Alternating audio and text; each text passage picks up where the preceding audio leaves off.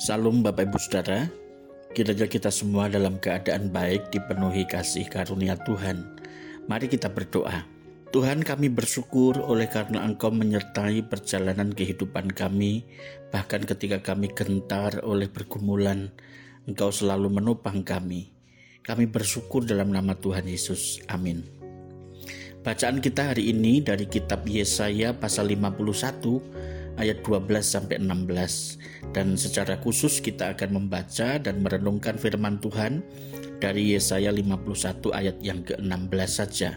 Berkata demikian Aku menaruh firmanku ke dalam mulutmu dan menyembunyikan engkau dalam naungan tanganku supaya aku kembali membentangkan langit dan meletakkan dasar bumi dan berkata kepada Sion engkau adalah umatku Kuatkanlah dan teguhkanlah hatimu, jangan takut. Dikepung oleh musuh yang begitu besar memang sangat menakutkan bagi bangsa Yehuda. Asyur tentu saja bukanlah tandingan secara kekuatan perang. Secara manusiawi tentu Yehuda merasa takut menghadapi Asyur yang waktu itu tetapi ada yang salah ketika ketakutan itu telah menyebabkan mereka meragukan dan tidak percaya kepada kuasa Allah. Bukankah mereka adalah milik Allah, umat kepunyaan Allah? Bagaimana mungkin mereka tidak percaya kepada Allah? Ketakutan telah menutupi mata rohani sehingga tidak mampu melihat kehadiran Allah. Pada saat itu kerajaan Yehuda diserbu oleh Sanherib, raja Asyur yang kuat dan Hizkia menyiapkan dan mempersenjatai seluruh rakyat Yehuda untuk berperang.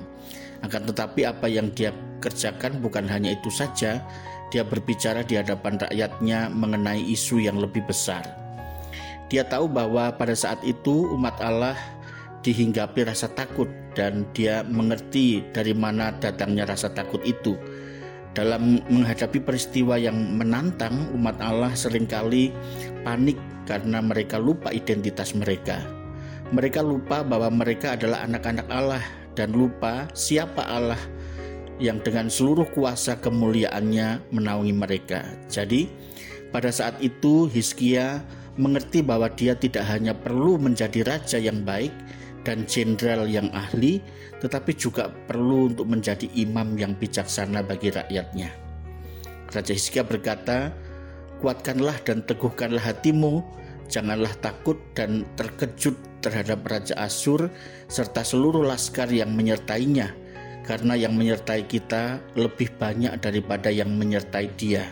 Yang menyertai dia adalah tangan manusia, tetapi yang menyertai kita adalah Tuhan, Allah kita, yang membantu kita dan melakukan peperangan kita.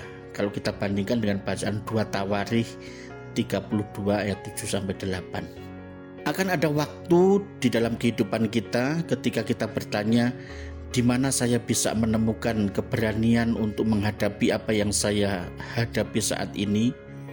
Hizkia memberi kita jawaban yang kita perlukan. Pandang dan ingatlah Allahmu. Sebagai anak Allah, Anda tidak perlu ditinggalkan untuk berperang sendirian. Bagi orang percaya, ketakutan berlebihan selalu berarti melupakan Tuhan. Kalau Allah itu berdaulat dan berkuasa sempurna, bijak, benar, serta baik, selalu ada jalan keluar. Jadi, mengapa harus takut? Mari kita berdoa. Tuhan, tolonglah kami ketika menghadapi pergumulan yang besar melampaui kekuatan kami. Seringkali kami merasa takut condongkanlah hati kami untuk tetap percaya hanya kepada Tuhan saja supaya kami selamat. Dalam nama Tuhan Yesus kami memohon. Amin.